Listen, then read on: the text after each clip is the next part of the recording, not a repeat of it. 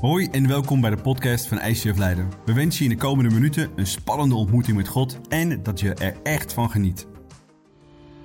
Yes, waanzinnig dat jij deel uitmaakt van hashtag Jesus 2023. En samen gaan we echt naar de Pasen toe leven. En gaan we allerlei nieuwe kanten van Jezus ontdekken. En gaan we ook echt stilstaan bij wie Hij is. En waar je ook staat in jouw geestelijke reis. Het maakt niet uit, misschien ken je Jezus al. Of misschien heb je wel eens van me gehoord. Misschien ben je nog aftastend en heb je duizenden vragen. Maakt niet uit, ik geloof dat we altijd nieuwe kanten van Jezus kunnen ontdekken. En ik heb voor jullie twee personen meegenomen. Twee personen die hier vaak op het podium staan. Waarvan we ook een aantal dingen van hun gaan ontdekken. En de eerste is Arie Spaanderman, onze senior pastor. En misschien zeggen ze meteen wel, yes Arie. En misschien zeggen ze wel, ja sommige dingen die wist ik al. Maar sommige dingen misschien ook niet. Nou heeft altijd sneakers aan. Zelfs als hij thuis op de bank zit, hij heeft altijd sneakers aan. En Arie is ook een echte zelfvenaat. Hij heeft zijn opleiding gedaan aan de, aan de Hogeschool van Rotterdam. Hij kan heel goed koken. En zijn favoriete chips, dat is voor heel veel mensen wel duidelijk, is croquis bolognese. Yes. Hey, en de tweede persoon die ik heb meegenomen is niemand minder dan Matthias Gerritsen. Onze Church Life leader. Nou, Matthias is IC-verpleegkundige. Heeft bijna alleen maar zwarte kleding. Maakt niet uit, want het staat je ook waanzinnig mat. Uh, houdt van goede koffie. Ja, inderdaad. Ja, nou, hier. Houdt van goede koffie. Kan moeilijk afstand nemen voor kleine dingetjes zoals een bioscoopkaartje of een, uh, of een concertkaartje.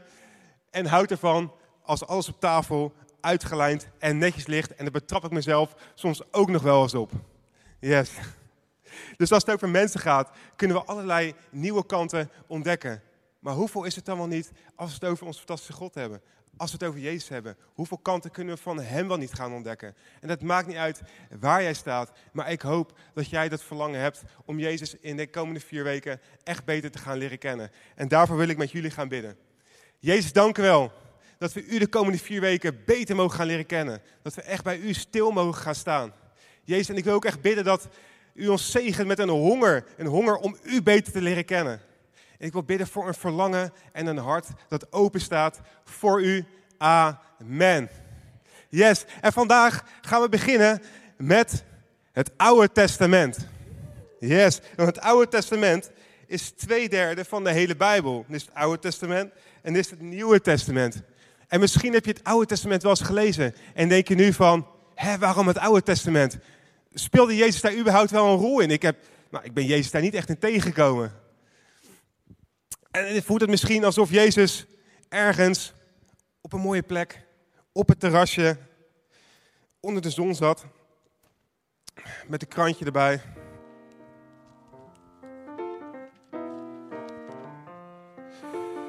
Ja, Adam en Eva hebben het wel verprutst in het begin. En uh, ja, Jozef die leidt als zijn vrienden naar Egypte, maar ja, die komen er eigenlijk als slaven vast te zitten. En Mozes. Die eerste vijf boeken, man, het, valt bijna niet doorheen te komen. Is, is het al bijna mijn tijd? Nee, nog niet. Ja, en Jona. Nou ja, ik stuur wel een vis. Ik stuur wel een paar engelen hier. En doe een paar wonderen. Stuur ik daar naartoe. En zo is vaak hoe wij het Oude Testament lezen. Maar dat is natuurlijk niet wat er allemaal gebeurt. Nee, Jezus speelt wel degelijk een rol. Niet alleen in het Nieuwe Testament, maar ook in het Oude Testament. En vandaag trappen we af met het Oude Testament, met het verhaal van Abraham. En pak allemaal jullie mobiel erbij en scan vooral de QR-code van de YouVersion app. Want er komen heel veel Bijbelversen uh, voorbij waar je echt super nice aantekeningen bij kan maken. En Esther, jij trapt hem nu met ons af. Yes, nice. We gaan beginnen met Handelingen 28, vers 23. Lees met me mee. Zij maakte een afspraak, zij is de leiders van het Joodse volk. Zij maakte een afspraak met Paulus om daar eens uitgebreid over te praten. Op de afgesproken dag kwamen ze bij hem thuis en luisterden naar wat hij te vertellen had. Van s'morgens vroeg tot s'avonds sprak hij vol vuur over het koninkrijk van God. Hij probeerde hen aan de hand van de boeken van Mozes en de profeten ervan te overtuigen dat Jezus de Christus is. Nou, Paulus is hier onder, aan het onderwijzen uit de boeken van Mozes, vanuit de profeten, van s'morgens vroeg tot s'avonds laat. S'morgens vroeg tot s'avonds laat, pak een beet 10 uur. Nou, dat is niet niks, toch? En tegenwoordig is het na 20 minuten al, als we zo'n message hebben, hoe, kunnen we eindelijk stoppen? Mijn spanningsboog is op. Nou, ik kan je vertellen, vandaag gaan we niet 10 uur preken over Jezus, maar wel iets langer dan 20 minuten. Dus zorg dat je er helemaal klaar voor bent. En wat deed hij? Laten we eens kijken welke geweldige boeken Paulus allemaal aan het doornemen was. Hij probeerde hen aan de hand van de boeken van Mozes en de profeten ervan te overtuigen dat Jezus de Christus is. Nou, als we het hebben over de boeken van Mozes, dan hebben we het over de eerste plaats Genesis. Maar ook over Exodus. Wauw, fantastisch boek. En dan het derde boek van Mozes, Leviticus, die wetten. Wauw, fantastisch. En waar predikt hij over? Van s morgens vroeg tot s avonds laat spreekt hij over het koninkrijk van God. Het koninkrijk van God in het Oude Testament. En waar gaat hij het nog meer over hebben? Hij probeerde hen aan de hand van de boeken van Mozes en de profeten ervan te overtuigen dat Jezus de Christus is. Hij heeft het over Jezus. Hij heeft het over het Oude Testament en hij heeft het over Jezus. En dan staat er niet dat hij alleen over de vijf boeken van Mozes had, maar ook over al die profeten. Nou, nu begrijp ik dat Paulus daar minstens tien uur voor nodig had als je al deze Bijbelboeken door moet nemen. Maar in al die Bijbelboeken is dus Jezus te vinden. Hij is daar aanwezig. En misschien had je al een streep gezet door het Oude Testament. Misschien dacht je, hey, het heeft helemaal niks met Jezus te maken. Maar voor de eerste volgelingen van Jezus was dat totaal geen issue. Zij kenden alleen het Oude Testament, zij hadden alleen het Oude Testament. En zij wisten, Jezus is het woord van God. En het woord van God, dat leeft. Laten we het samen lezen in Hebreeën 4. En daar staat, want het woord van God is levend en het is vol van kracht. Het is scherper dan een tweesnijdend zwaard. Het dringt zo diep door dat het alles in ons van elkaar losnijdt. Zelfs onze diepste gedachten en verlangens. En daardoor wordt duidelijk wie wij werkelijk zijn. Dus de Bijbel is scherper dan een tweesnijdend zwaard en het heeft de kracht om ons leven te veranderen. Het is een levend boek. En in het laatste boek van de Bijbel, Openbaringen, lezen we ehm, over Johannes. Johannes beschrijft dat hij de opgestane Jezus ontmoet en hij ziet hem en hij beschrijft hem op de volgende manier. In zijn rechterhand hield hij zeven sterren en uit zijn mond kwam een scherp, tweesnijdend zwaard. En zijn gezicht straalde en schitterde als de felle zon. Als Jezus spreekt, dan is dat als een tweesnijdend zwaard. En dat is iets niet wat je alleen maar theologisch kan doorgronden. Nee, dat is iets wat gaat leven als we de Bijbel op die manier gaan lezen. Als we Jezus gaan zoeken, ga Hem gaan zoeken in de Bijbel. In het Oude Testament zegt, Jezus, waar bent u? Ik zie u niet, ik begrijp het niet, ik snap het niet, maar ik wil u zien. Ik wil u als levend woord ervaren in mijn leven. En gelukkig staat Jezus niet ergens op een terrasje, ergens in de zon, maar is Hij aanwezig in het Oude Testament.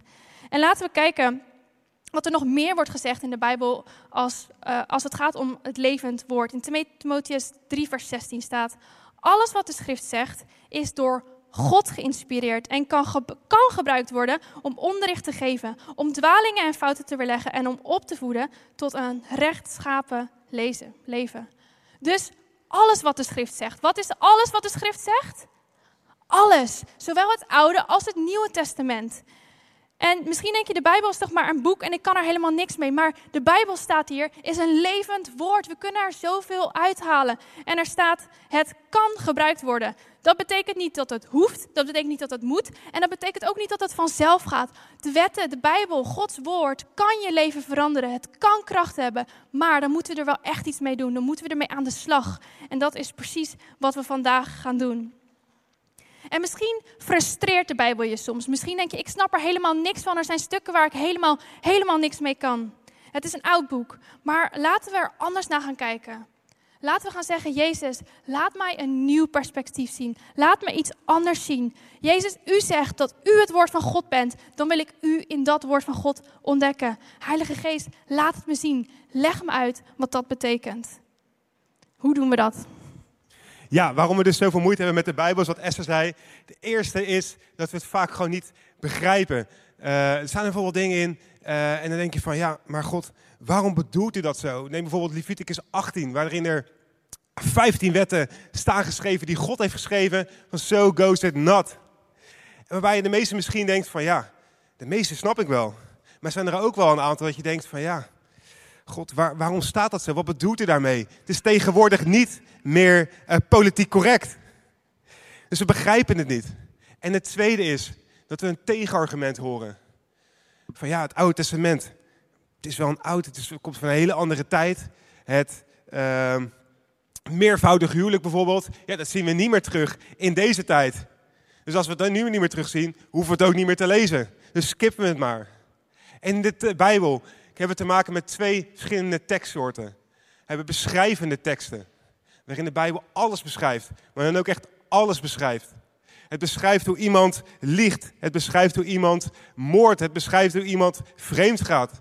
Het beschrijft ook hoe mensen met elkaar trouwen. Het beschrijft alles op een hele authentieke manier. Als je bijvoorbeeld kijkt naar het leven van Abraham. Abraham, ons geloofsheld, was ook niet zonder fouten. En de fouten die hij maakte, die werden echt tot in detail beschreven. En we hebben ook nog eens de voorschrijvende tekstsoorten. Die eigenlijk zeggen wat we wel en niet moeten doen. Nou, dat is easy toch als iemand zegt wat we wel of niet moeten doen? Nou, vind ik in ieder geval niet. Ik vind dat niet easy als iemand zegt wat ik wel of niet moet doen. Maar van wie kunnen we dan gaan leren? We kunnen gaan leren van David. Want David was ook geen perfect persoon. Hij, zat ook, hij had ook te maken met falen. Maar David koos er wel voor om keer op keer terug te gaan naar God. Want hij wilde God zijn wetten en zijn geboden leren en ook echt uitleven. Maar hoe deed David dat dan en hoe moeten wij dat dan doen?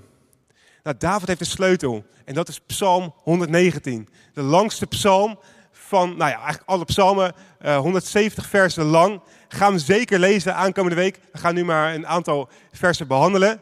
Psalm 119 is de sleutel. En laten we daar verder naar gaan kijken. Uh, David zegt, leer mij, leer mij alles over uw wet. Hij bidt, leer mij alles over uw wet. Open mijn ogen, zodat ik alle wonderen in uw wet kan ontdekken. Vind je Leviticus 18 misschien ook zo onbegrijpelijk? Ja, Heer, open mijn ogen. Ik heb openbaringen nodig, zodat ik uw wet kan ontdekken en kan begrijpen. Als ik het niet snap, Heer, laat mij het dan zien. Laat mij het begrijpen wat u in uw wet bedoelt, zodat ik kan nadenken over alle wonderen die u doet. En hij realiseert zich hier dat hij hulp nodig heeft om over de wonderen van God na te denken. En de weg van uw geboden zal ik gaan, want u verruimt mijn hart. En in werkelijkheid zijn we in deze wereld met een hart sinds de zonneval, als het een naar wordt, de zonneval, sinds dat Adam en Eva die ene vrucht hebben gegeten, precies het tegenovergestelde. We zijn opstandig en zoeken de confrontatie met God. We willen het vaak op onze eigen manier doen. Maar verander mijn hart, God. En dan staat er, de weg van uw geboden zal ik gaan, want u verruimt mijn hart. Wijs mij, Heer, de weg van uw wetten dan volg ik die tot het einde aan toe. En geef mij inzicht, dan zal ik, naar u zal ik leven naar uw wet. Mij houden aan uw woord met heel mijn hart. Laat mij u weggaan die u mij wijst. Het is mij een vreugde.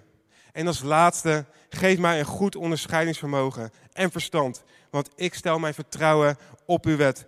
Geef mij verstand en liefde voor uw woord enzovoort. En hier achter staande punten nog een keer. En op het moment dat wij denken, het Oude Testament, ik snap er geen ene hout van. Dan is dit de houding die wij aan mogen nemen. De houding die David heeft. Ja, nice. En precies die houding hebben jij en ik nodig om echt het woord van God nog meer te gaan begrijpen en nog meer te gaan snappen. Nou, ik wil nu samen met jullie beginnen aan onze reis door het Oude Testament en we beginnen bij Abraham. Want waar kunnen we Jezus daarin ontdekken? Niet als een soort metafoor, maar echt. Waar was Jezus? Was hij daarbij? Was hij echt aanwezig? En wie was er bij Abraham? En waar was dus Jezus? Laten we gaan kijken. Genesis 18, lees met me mee. Er staat, de Heer nou, oké, ik ga meteen even op pauze drukken, oké? De Heer staat hier met hoofdletters, toch? Nou, wat achtergrondinfo. Als je de Heer ziet staan in de Bijbel met hoofdletters, dan wordt daar verwezen, staat daar in de brontekst, Yahweh, dat is de naam van God, oké? Nou, in de Hebreeuwse grondtekst staat er, wanneer de Heer wordt gebruikt, staan er de volgende letters. Griekse I, H, V, Griekse I. Beetje gek, toch? Enig idee hoe dat moet uitspreken, iemand? Nee, het is meer als een soort weergave. Want het Bijbelse Hebreeuws, geschreven Hebreeuws, had geen klinkers, alleen maar medeklinkers. Dus we hebben geen idee hoe die naam dus eigenlijk echt werd uitgesproken. Het is eigenlijk meer een soort weergave van de naam van God. En het maakt eigenlijk helemaal niet uit hoe je hem uitspreekt. Sommige mensen denken dat het Jehovah is, sommige mensen denken dat het Yahweh is. Ik gebruik voor het gemak Yahweh, maar het doet er eigenlijk niet toe. Maar wat je wel moet weten, is dat de naam Yahweh, het werkwoord zijn, is daaraan gerelateerd. En als we in de Bijbel dus lezen de uitspraak ik ben die ik ben of ik zal zijn, dan heeft dat te maken met Gods naam. Die twee zijn één. De wortel van de naam Yahweh is dus het werkwoord zijn. En als de Heer dus wordt geschreven in hoofdletters, dan weten we, er staat daar Yahweh. En in heel veel vertalingen wordt dan ook echt hoofdletters gebruikt. Niet in alle Nederlandse vertalingen, maar die we vandaag dus lezen wel, want dat is gewoon makkelijker, toch? Alright, verder. De Heer. De Heer verscheen opnieuw aan Abram bij de eiken van Mamre. Op het heetst van de dag zat Abram in de ingang van zijn tent. Toen hij opkeek, zag hij verderop plotseling drie mannen staan. Wat? De Heer komt in de vorm van drie mannen? Beetje gek, toch? Oké, verder. Onmiddellijk snelde hij de tent uit naar hen toe. Nou, dat was toen tijd een teken van gastvrijheid. Je ging per se naar die persoon, meteen naar die persoon toe. Maar het lijkt hier misschien wel op meer dan gastvrijheid. Zou Abraham, die persoon die daar aankwam, die Heer, zou die die misschien herkend hebben? Er staat namelijk dat Abraham opnieuw, dat de Heer opnieuw aan Abraham verscheen. Dus misschien herkende hij deze Heer wel en ging hij er dus naartoe en rende naar hen toe. En hij boog diep. Nou, hier wordt het een beetje gek. Het Hebreeuwse woord dat hier gebruikt wordt voor diep buigen is aanbidding. Dus het eerste deel, oké, nice. Hij ziet drie mannen aankomen. Hij rent er naartoe uit gastvrijheid. En dan buigt hij diep en hij gaat op zijn knieën. Dat is wat dit woord betekent. En laten we hier even bij stilstaan. Er komen hier drie mensen aan, drie gasten aan, en die laten zich aanbidden. Nou, als je een klein beetje van de Bijbel kent, dan weet je dat het niet oké is om, als je niet God bent, je te laten aanbidden. Want we hebben het bijvoorbeeld gezien bij de worship-engel, Lucifer. Hij liet zich aanbidden. En wat gebeurde er met hem? Boom, tjak, uit de hemel gegooid. En we zien ook heel vaak in de Bijbel terugkomen in het Nieuwe Testament dat er mensen zijn die de apostelen willen aanbidden. En ze zeggen dan: Nee, aanbid mij niet, aanbid God. Want het is simpelweg niet oké om iemand anders dan God te aanbidden. Maar deze persoon hier, die laat zich wel aanbidden. En vervolgens is er een hele gedetailleerde beschrijving van hoe Abraham met deze drie mannen lekker ging eten. Ze kregen het beste vlees en dronken heerlijke melk. En dan lezen we het volgende. Toen de mannen verder gingen, lieten ze hun blik op Sodom rusten. Abraham liep met hem mee om hun uitgeleide te doen. En de Heer dacht: Waarom zou ik voor Abraham geheim houden wat ik van plan ben? Alright, oké. Dus we zien hier drie mannen en dan zijn er twee mannen die uh, gaan weg. Want er zijn twee mannen die naar Sodom gaan. Als je verder leest naar het volgende hoofdstuk, in vers 1 staat er ook dat die twee mannen zijn engelen. Dus twee van die mensen, van die drie, die gaan weg. Dat zijn dus blijkbaar engelen. Zij gaan naar Sodom toe. Dan is er nog één persoon over. En er staat hier, de Heer dacht. Waarom zou ik voor Abraham geheim houden wat ik van plan ben? Dus twee engelen vertrekken, één persoon blijft achter. En dat is de Heer in een fysieke, menselijke gedaante. Want hij at met hem, hij dronk met hem. Nou ja, volgens mij drinken alleen mensen, toch? Right. Het is dus een soort Yahweh-man, een soort God-man die we hier tegenkomen. En deze hele mysterieuze persoon, heeft met Abraham een gesprek over de vernietiging van Sodom en Gomorra. het is meer een soort van discussie. God, als er misschien nog een paar mensen zijn die daar uh, onschuldig zijn, wilt u die stad dan alsjeblieft redden? En zo gaan ze een beetje heen en weer. En uiteindelijk zegt die Heer: Oké, als er maar tien mensen zijn in Sodom en Gomorra die onschuldig zijn, dan ga ik die steden niet vernietigen. Dus deze persoon met wie Abraham spreekt, heeft blijkbaar de autoriteit om goddelijke beslissingen te maken.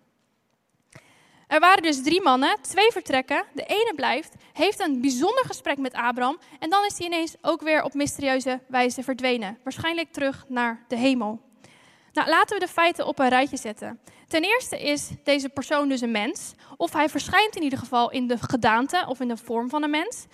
Hij laat zich aanbidden, hij spreekt als God en deze persoon heeft ook de eigenschap om beslissingen, autoriteit om beslissingen te nemen zoals God. Welke menselijke persoon kan al deze eigenschappen hebben? Geen enkele toch? Wie is deze persoon? Wie is deze Heer? Nou, het verbazingwekkende is dat het een verschijning van God lijkt te zijn. En misschien heb je altijd gedacht, heb je altijd geloofd dat God niet zichtbaar is. Dat je niet Hem kan zien. Maar toch blijkt uit deze passage, Hij kan worden gezien. Hij kan worden gehoord. Hij kan worden aangeraakt. Deze persoon is God en Hij wil net zoals bij Abraham zo dicht bij jou komen vandaag. Je kan Hem voelen, je kan Hem aanraken, je kan Hem bij wijze van spreken ruiken. God wil je ontmoeten vandaag in jouw emoties, in jouw gedachten, in jouw verbeelding. Waarom? Jezus kwam als mens naar deze aarde en hij wil jou ook op die manier ontmoeten. Hoewel hij God is, kwam hij als mens. En deze persoon, deze Heer, deze Yahweh-man, kwam ook in een menselijke verschijning. Nou, laten we daar nog wat dieper induiken en de Bijbel bestuderen. Dus wie was er hier bij Abraham? Wie heeft er met Abraham gegeten? Jezus zegt het volgende in Johannes 8, vers 56. Laten we hem samen lezen. Abraham keek met blijdschap uit naar mijn komst. Hij zag mij komen en hij was heel erg blij. U bent nog geen 50 jaar en u hebt Abraham al gezien, zeiden de Joden. Het is zoals ik het zegt, antwoordde Jezus. Ik ben al van voordat Abraham werd geboren. Nou, Jezus zegt dat Abraham uitkeek naar zijn komst. En hij zegt dat Abraham hem zag. En al voordat Abraham geboren was, dat hij er was. En dan zegt hij iets heel belangrijks. Hij zegt, ik ben. En zoals we al gezien hebben, de naam Yahweh heeft daarin de wortel van het werkwoord zijn. En Yahweh en de naam ik ben, die uitspraak ik ben, daarmee zegt Jezus eigenlijk, ik ben, ik ben Yahweh, ik ben degene die bij Abraham was. Ik ben diezelfde persoon. Die Heer, dat was niet iemand anders, dat ben ik zelf. Wauw.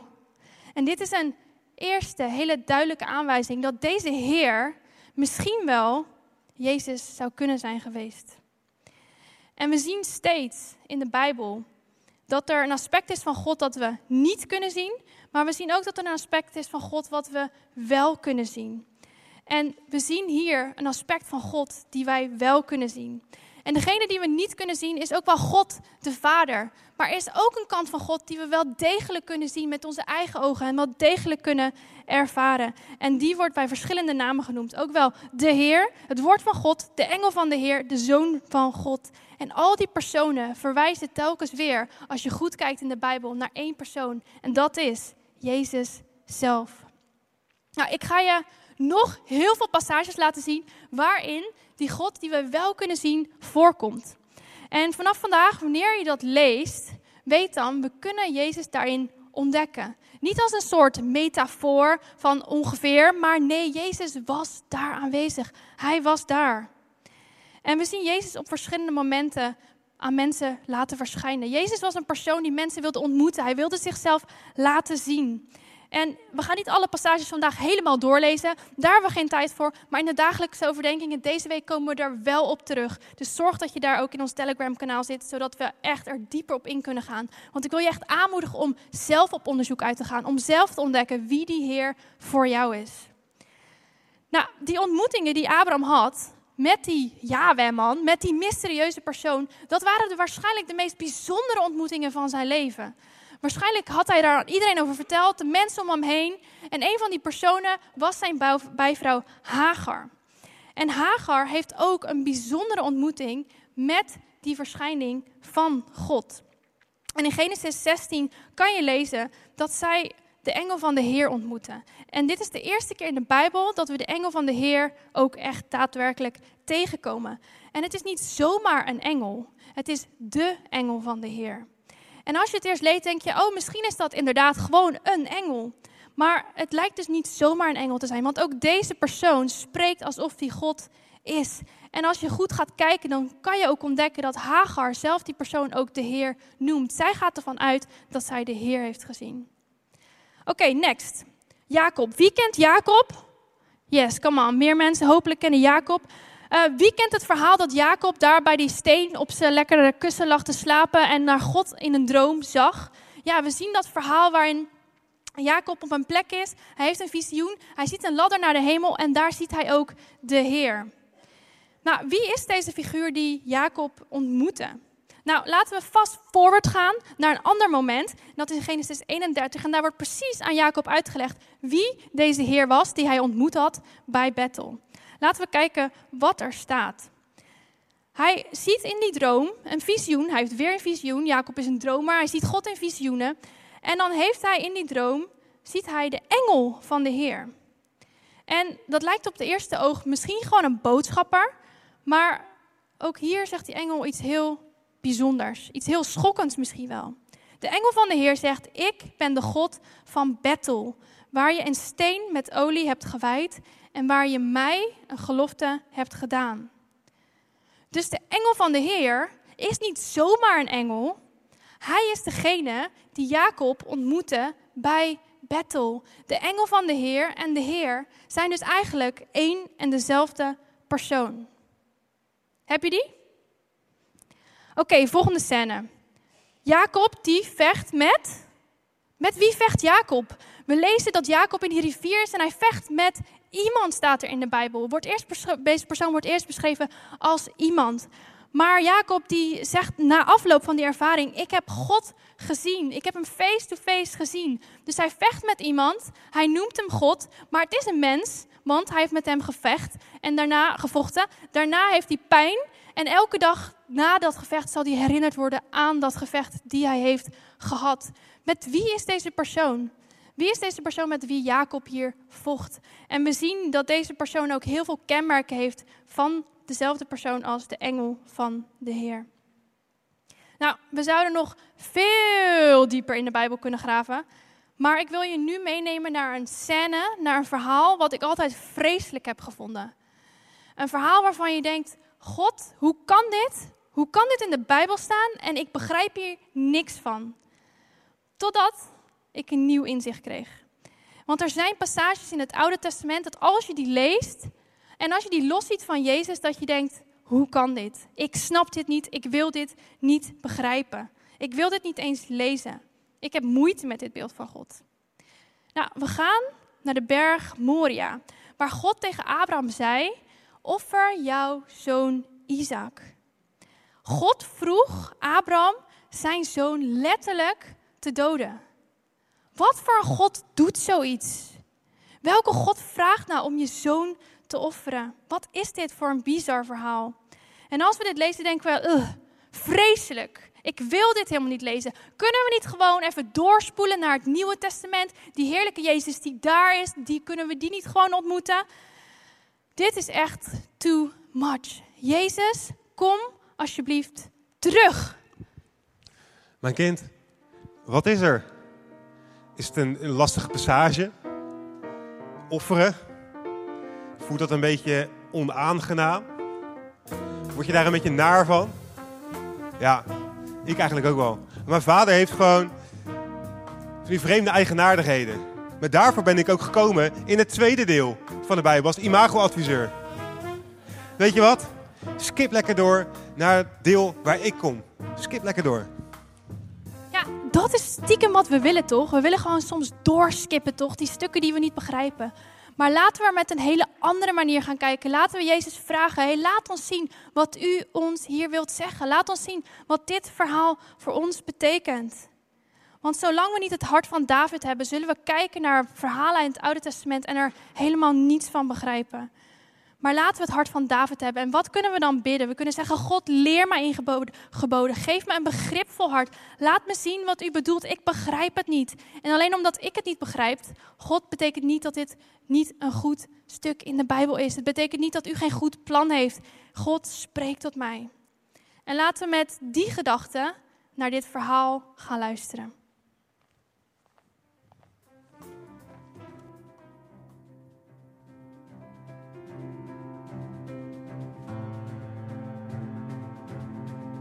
Enige tijd later stelde God Abraham op de proef. Abraham, zei hij. Ja, ik luister, antwoordde Abraham. Haal je zoon, je enige, van wie je zoveel houdt, Isaac. En ga naar het gebied waarin de Moria ligt. Daar moet je hem offeren op een berg die ik je zal wijzen. De volgende morgen stond Abraham vroeg op. Hij zadelde zijn ezel, nam twee van zijn knechten en zijn zoon Isaac met zich mee, hakte hout voor het offer en ging op weg naar de plaats waar God over had gesproken. Op de derde dag zag Abraham die plaats in de verte liggen. Hij zei tegen zijn knechten: Blijven jullie hier met de ezel. Ik zelf ga met de jongen verder om daar ginds neer te knielen. Daarna komen we naar jullie terug. Hij pakte het hout voor het offer, legde het op de schouders van zijn zoon Isaac en nam zelf het vuur en het mes. Zo gingen die twee samen verder. Vader, zei Isaac. Ja, mijn zoon, ik luister, antwoordde Abraham. We, we hebben vuur en we hebben hout.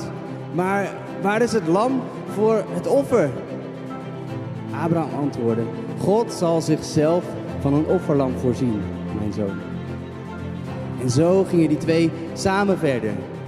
Toen ze waren aangekomen bij de plaats waarover God had gesproken, bouwde Abraham daar een altaar, schikte het hout erop, bond zijn zoon Isaac vast en legde hem op het altaar, op het hout. Toen pakte hij het mes om zijn zoon te slachten. Maar de engel van de Heer riep vanuit de hemel: Abraham, Abraham. Ja, ik luister, antwoordde hij. Raak de jongen niet aan. Doe hem niet. Want nu weet ik dat je ontzag voor God hebt. Je hebt mij, je zoon, je enige, niet willen onthouden. Toen Abraham om zich heen keek, zag hij achter zich een ram die met zijn hoorns verstrikt was geraakt in de struiken. Hij pakte het dier en offerde dat in de plaats van zijn zoon. Abraham noemde de plaats, de Heer zal erin voorzien.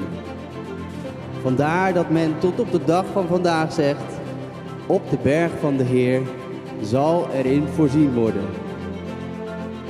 Toen sprak de engel van de Heer opnieuw vanuit de hemel tot Abraham. Hij zei, ik zweer bij mijzelf, spreekt de Heer, omdat je dit hebt gedaan, omdat je mij, je zoon, je enige, niet hebt onthouden, zal ik je rijkelijk zegenen en je zoveel nakomelingen geven als dat er sterren aan de hemel zijn en dat er strand op het, op het de zand op het strand langs de zee. En je nakomelingen zullen de steden van hun vijanden in bezit krijgen. En dankzij jouw nakomelingen zullen alle volken op aarde zich gezegend noemen. Want jij hebt naar mij geluisterd.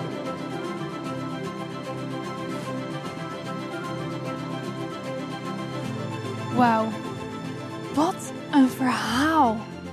Wat gebeurt er hier allemaal? Wie is ook wie en wie is ook waar in dit verhaal? Want er gebeuren hier hele bijzondere dingen. In vers 1 lezen we eerst over God, dat God Abraham op de proef stelde. En we lezen een beetje over God, een paar versen. En dan ineens, verder, als we verder lezen, lezen we ineens over de engel van de Heer. En op het einde zien we ook dat de engel van de Heer Jacob zegent. En weer zien we dat de engel van de Heer spreekt alsof hij God zelf is. En dat is bijzonder om te zien. Nou, wanneer de auteurs in de Bijbel switchen tussen verschillende benamingen van God, dan is dat niet omdat die auteurs niet zaten op te letten. Nee, ze zorgen er juist voor dat als ze switchen in verschillende benamingen van God, dat ze dan zorgen dat wij als lezers alert moeten zijn. Er zitten ergens gaten in de informatie. Wij moeten kijken wat daar gebeurt. En dat betekent dat we als lezers actief moeten zijn. Dat we op onderzoek moeten uitgaan. En dat we moeten kijken wat er hier bedoeld wordt en wat er hier gebeurt. Dus we zien eerst in dit verhaal God. Dan is het ineens alsof God en de engel van de Heer van plaats hebben geswitcht. Een soort van switch. En dan zien we ineens dat de engel van de Heer daar de hele tijd was. Of was hij er misschien al de hele tijd bij? Of zou deze persoon, deze engel van de Heer, zou dit misschien ook Jezus geweest zou kunnen zijn? Zou Jezus misschien deze opdracht hebben gegeven aan Abraham? Past dat nog in jouw beeld van God? Misschien zeg je nee, dat past niet in mijn beeld van God. En misschien zijn er dan nieuwe facetten van God die we moeten ontdekken, die we moeten leren kennen. Want beeld het je in. Laat die gedachte toe dat misschien op deze plek Jezus zelf op die berg aanwezig was bij Abraham. in de vorm van de engel van Yahweh. Nou, dit verhaal is heel bijzonder en het zit vol met parallellen met het Nieuwe Testament. En dit verhaal is eigenlijk het perfecte beeld van hoe Jezus zichzelf voor jou en voor mij opofferde. Het is zo bijzonder om al die parallellen te onderzoeken en te ontdekken. En ik raad je ook echt aan dat deze week te gaan doen om daar echt helemaal in vast te bijten. Maar het is zo bijzonder hoe Abraham op deze berg God dichterbij dan wie dan ook ervaren moet hebben. Abraham wist precies hoe God zich zou voelen als hij zijn zoon moest opofferen. Abraham kende het gevoel wat God had. Hij wist tot op het diepst van zijn bot hoe heftig het voor God was om zijn zoon Jezus als offer voor jou en voor mij te geven. Abraham had een hele bijzondere ervaring en ontmoeting met God op deze berg. En we lezen in de Bijbel dat Abraham Gods wezen door en door kende. En hierdoor wist Abraham, ik kan dit doen, want of God gaat een plaatsvervangend offer regelen, of God is zo groot en zo krachtig dat hij mijn zoon weer tot leven wekte, zal wekken. Abraham kende God zo goed dat zelfs wanneer God zoiets krankzinnigs van hem vroeg, dat hij het kon doen en dat hij het deed, omdat hij God kon vertrouwen. Hij kende God zo goed. En wat er na deze ontmoeting gebeurt, is dat God Abraham en Isaac zo bijzonder transformeert en zo bijzonder rijkelijk zegent. Waarom? Wat gebeurt hier? Ze hebben een ontmoeting gehad met Jezus zelf. Ze hebben pure liefde ervaren en ontmoet. Ze hebben genade ervaren als nooit tevoren. Stel je voor dat je op het punt staat om je eigen zoon op te offeren. Maar op het laatste moment verzorgt jouw God een uitweg. Omdat hij goed is. En Abraham heeft op dit punt, denk ik, meer begrip van het kruis en van genade dan wie dan ook. Hij heeft het van dichtbij ervaren. Abraham ervaarde die dag de kracht van het kruis en de kracht van genade. En net zoals bij Abraham, bij Isaac, net zoals bij Hagar, net zoals bij Jacob, wil Jezus aan jou verschijnen. Hij wil zichzelf aan jou laten zien. Hij is een God die zichzelf laat zien, keer op keer. Hij wil je ontmoeten daar waar jij bent. Misschien in je grootste uitdaging, in je grootste pijn, in je grootste gevecht, misschien net als Jacob. Daar wil Hij jou ontmoeten vandaag. Want Jezus is een persoon, een God die zichzelf aan ons laat zien. En we lezen in de Bijbel dat Jezus het levende woord van God is. En het levende woord van God is als het woord van God die dingen in ons van elkaar kan lossnijden. En misschien zijn er dingen in je leven die al zo lang daar zijn. Misschien pijn, misschien verdriet, misschien uitdaging, misschien een groot gevecht in je leven. Misschien gewoontes waar je maar niet van afkomt. Jezus wil ze vandaag voor jou van elkaar lossnijden. Hij kan echt een impact maken in je leven. Hij kan jou veranderen. En hij wil daar zijn waar jij bent. En misschien vecht je al de hele tijd met je eigen wapens. Misschien kom je er maar niet uit. Maar God zegt vandaag tegen jou: vecht niet met je eigen wapens, maar vecht met mijn wapens. Vecht met Jezus, vecht met het woord van God. En ik weet niet waar jij mee vecht op dit moment, maar kies ervoor om vanaf vandaag te zeggen: ik ga het niet meer op mijn manier doen, maar ik ga het op zijn manier doen. Ik ga vechten samen met Hem. En misschien heb je al wel eens gevochten met God zelf, met Jezus zelf. Of misschien heeft Jezus zich al wel eens aan jou laten zien. Ga dan terug naar dat moment. Wat zei Jezus op dat moment tegen jou? En God en Jezus wil zich vandaag aan jou laten zien. Hij wil spreken tot je gedachten, hij wil spreken tot je emoties en hij wil spreken tot jouw verbeelding. En mijn wens is dat voor jou en voor mij, dat jij en ik een ontmoeting hebben met die Jezus, die zich volledig aan zich, jou gaat laten zien, die echt iets los gaat maken in jou. En ik bid daarbij dat we de houding hebben dat de Bijbel tweedimensionaal is, nee, driedimensionaal is. Dat we echt dingen gaan ontdekken van God die we nog niet eerder kenden. En dat we de Bijbel op een nieuwe manier mogen lezen. En het is eigenlijk net als met dit beeld. Als je dit beeld achter mij ziet, dan denk je, huh, wat is dit? Is een tweedimensionaal beeld. Het zegt misschien niet zoveel. Maar wat is het? Laten we kijken in 3D wat dit beeld is. Wauw, het is een donut. Iemand hier had het helemaal goed. En als je die donut ziet, dan kan je dat proeven, dan kan je dat ruiken, dan kan je dat ervaren. En dan is die roze en dan is die shiny. En dan kan je je tanden erin zetten en dan is dat een echte ervaring. En zo is het ook met de Bijbel. We zien de Bijbel vaak in 2D en we denken van, ik snap het niet, ik weet niet wat ik hier zie. Prima, maar laten we de Bijbel in 3D gaan ervaren. Laten we echt gaan ontdekken welke lagen en dimensies er nog meer zijn. En daarvoor hebben we de Heilige Geest nodig. Hij is de enige die dit effect in ons leven kan creëren. Hij is degene die nieuwe dingen aan ons kan laten zien. En ik wil je nu eigenlijk de tijd geven. Er is zoveel gezegd, er is zoveel gesproken om stil te staan en na te denken: hey, wat betekent deze message voor mij? En pak er misschien iets bij waarop je kan schrijven, je smartphone of op een andere plek waar je aantekeningen maakt. En sta stil bij de vragen die straks achter het bescherm staan. En ik geef je zo twee minuten de tijd om gewoon simpelweg stil te zijn. Na te denken: wat heeft deze message voor mij betekend? Wat wil je God tegen mij zeggen op dit moment? Want God spreekt in je emoties, in je gedachten of in je verbeelding. En laten we gewoon stil zijn.